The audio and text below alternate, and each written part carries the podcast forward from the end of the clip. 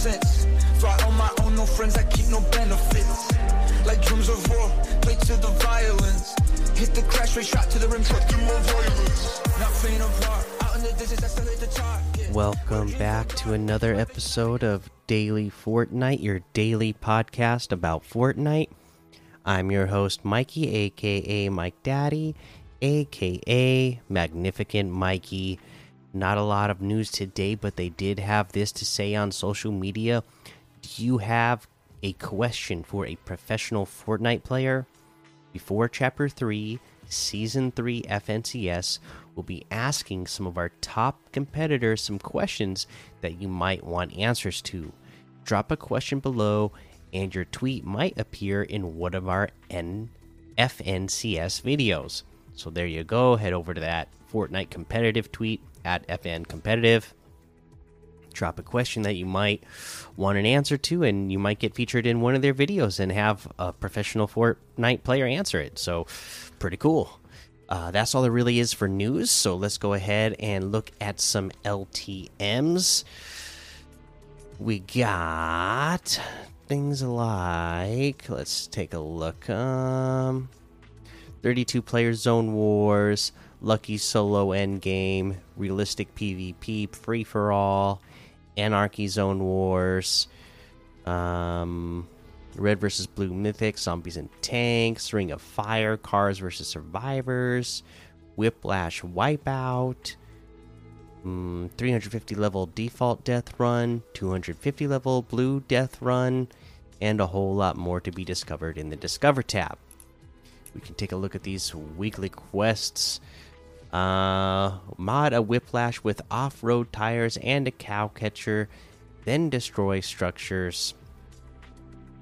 Uh, you know, I would land at, and they actually mark um, most of them for you here.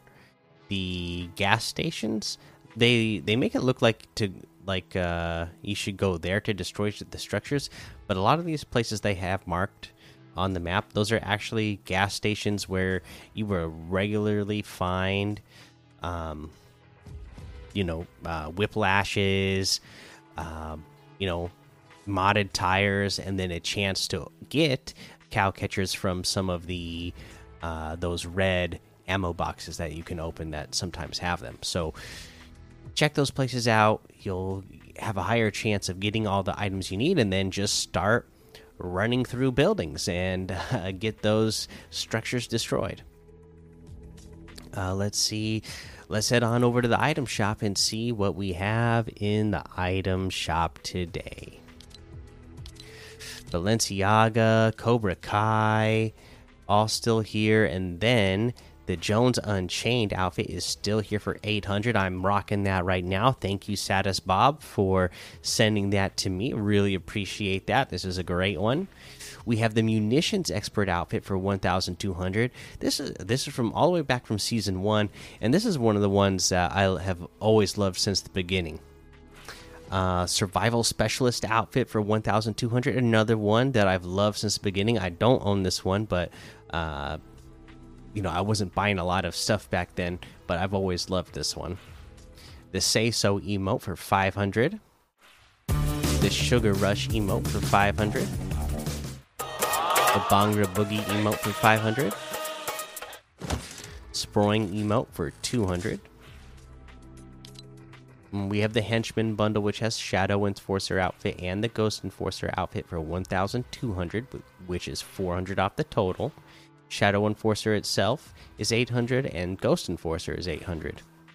We have a Azuki outfit with the Katana backbling and Nyan Claws harvesting tool for 1,400.